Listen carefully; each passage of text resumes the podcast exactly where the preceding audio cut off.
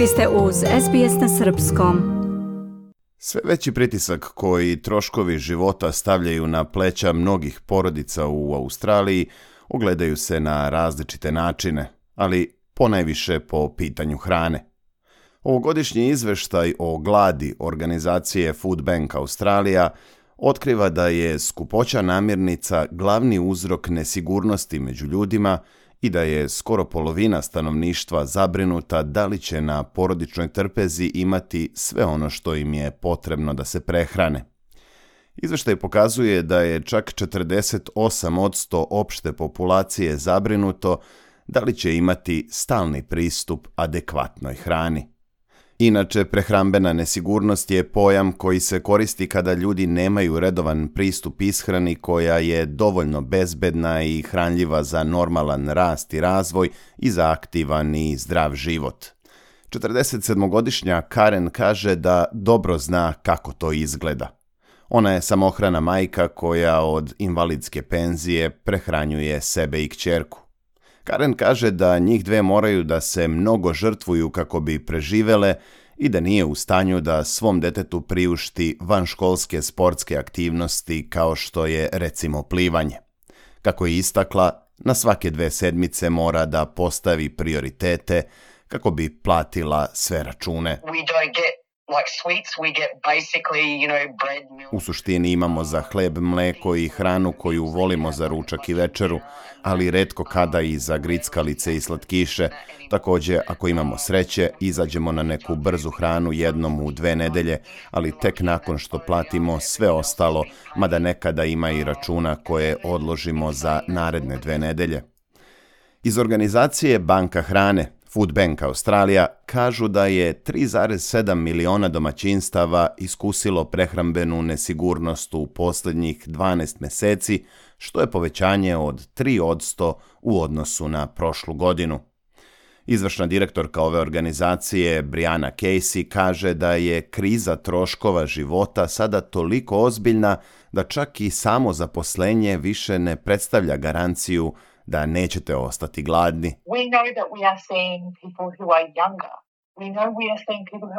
U banci hrane viđamo i mlađe ljude koji su zaposleni, kaže Casey, i dodaje da ni posao više nije zaštita od prehrambene nesigurnosti.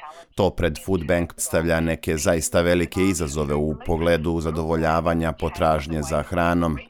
Takođe postavlja potrebu da se promeni način na koji se dolazi do ugroženih članova zajednice, s obzirom na to da se sve više susreću i sa povećanim brojem mladih profesionalaca.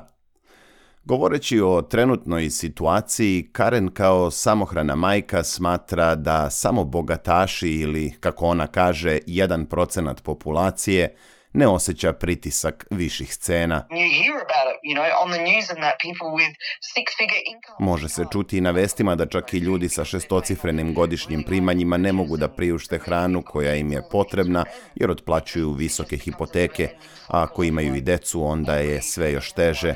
Karen kaže da situacija postaje kao beskrajni ciklus siromaštva koje je slično za sve osim za jedan procenat bogatih.